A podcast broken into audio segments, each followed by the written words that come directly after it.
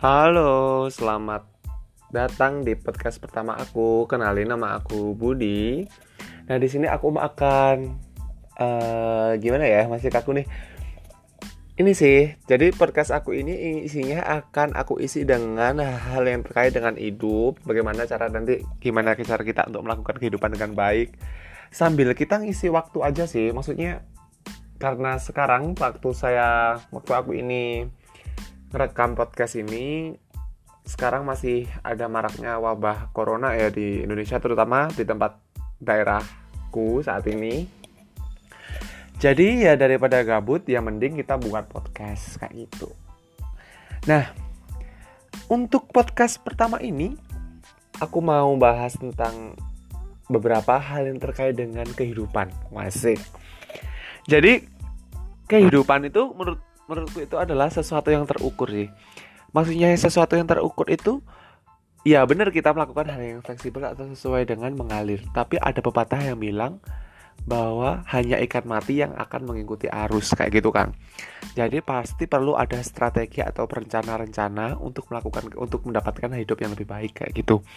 Nah, salah satu untuk mendapatkan best life atau hidup yang paling baik menurut kalian, menurut diri sendiri itu adalah menentukan goals atau menentukan tujuan hidup. Nah, kebetulan karena aku juga salah satu mahasiswa akhir di salah satu perguruan tinggi di daerah Malang, di kota Malang terutama, aku juga membahas tentang um, apa ya disebut dengan kemampuan untuk mengatur diri untuk mendapatkan ultimate goal. Ada ya teman-teman pasti sudah uh, punya kan ya namanya ultimate goals atau tujuan akhir yang ingin kalian capai kayak gitu. Nah, dalam mendapatkan ultimate goals kayak gitu ya pasti akan perlu riset atau apa apa biasanya kalau kalau aku sendiri itu menetapkan ultimate goals itu aku selalu mencari pandangan orang yang ada tingkatannya di atasku. Maksudnya adalah dengan aku melihat orang tersebut aku termotivasi untuk melakukan hal untuk mendapatkan hal yang dia dapatkan kayak gitu. Tapi ada juga ada juga sih yang aku random aja kayak misal aku pengen uh, kuliah cepet kayak gitu. Kuliah cepet. Nah alhamdulillah juga udah kesampaian sampai saat ini kayak gitu kan.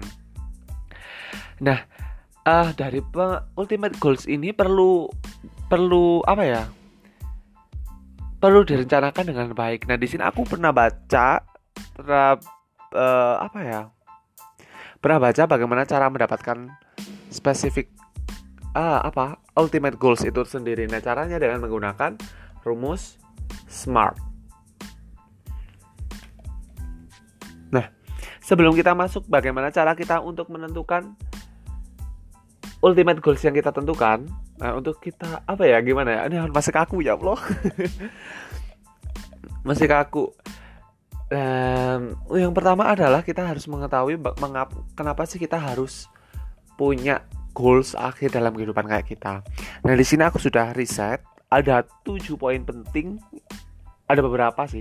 Ada beberapa poin penting kenapa kita perlu untuk menentukan ultimate goals itu sendiri ini yang pertama adalah dengan kita kita menentukan ultimate goals seperti itu kita punya kontrol diri. Maksudnya apa? Ketika kita sudah ada ini nih pandangan oh aku mau gini aku mau gitu aku mau gitu gitu. Jadi pikiran kita itu nggak sembrono gitu loh. Jadi kita bisa melakukan hal-hal yang terbaik dengan kepada diri kita sendiri untuk menciptakan uh, ekosistem atau lingkungan sehingga kita bisa mudah menyampaikan goals itu. Gak nyambung ya. Jadi gimana ya? Ibaratnya kalau kita udah punya set setting untuk ke depan seperti apa, um, kita perlu kita pasti bisa untuk ngatur diri kita sendiri dong kayak gitu kan gimana cara kita untuk yang terbaik kayak gitu misalkan kayak gini aku ingin jadi tentara kayak gitu itu cita-cita sih goalsnya adalah aku ingin bekerja sebagai tentara kayak gitu kan mungkin dengan kita ngeset seperti itu kita bisa mengontrol diri mulai dari sifat disiplin fisik yang bagus kayak gitu loh. Maksudnya kayak gitu.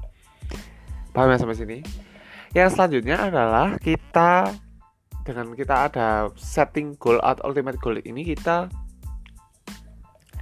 dapat mendapatkan hasil yang maksimal. Maksudnya adalah kalau kita mendapatkan hasil yang maksim kita mm, berekspektasi mendapatkan hasil yang maksimal ini kita akan merasa terpuaskan atau merasa seneng gitu loh. Kalau misalkan goals yang kita dapetin itu tercapai kayak gitu loh.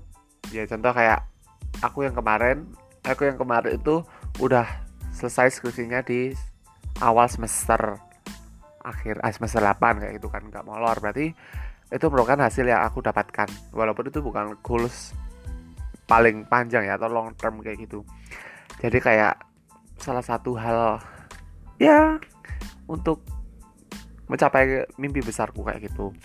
Nah, selanjutnya aspek ketiga uh, keuntungan ketiga sih. Keuntungan ketiga kalau kita udah menentukan goals itu adalah kita melakukan kegiatan yang bersifat laser atau bisa dibilang laser fokus. Maksudnya apa? Kalian ngerti nggak laser itu kan nggak bisa berbelok-belok kan kalau misalkan nggak ada yang benda memantulkan. Jadi dengan kita mengesetting goals itu sendiri, kita bisa bertindak lurus gitu loh, nggak nggak belok-belok, nggak neko-neko kayak gitu. Jadi fokus dengan apa yang kita lakuin kayak gitu. Terus selanjutnya kita setelah kita melakukan tindakan yang lurus itu, kita bisa terukur bagaimana tindakan kita seperti apa atau bisa dengan akurat atau accountability. Nah, ini dengan perilaku yang terukur seperti ini teman-teman kita semuanya bisa melakukan bisa mencapai goals yang kita inginkan segera mungkin.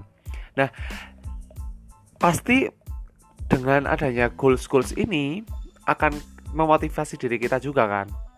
Untuk motivasi ini tiap orang memang beda-beda tapi setidaknya dalam setting ultimate goals yang kita lakuin kayak gitu uh, kita bisa dapat motivasi dalam diri ini. Jadi kita nggak nggak eh, oke okay, let it let it go oke okay, oke okay, let it flow kayak gitu gitu loh. Jadi aku harus ini aku di sini jadi ada motivasi kayak gitu.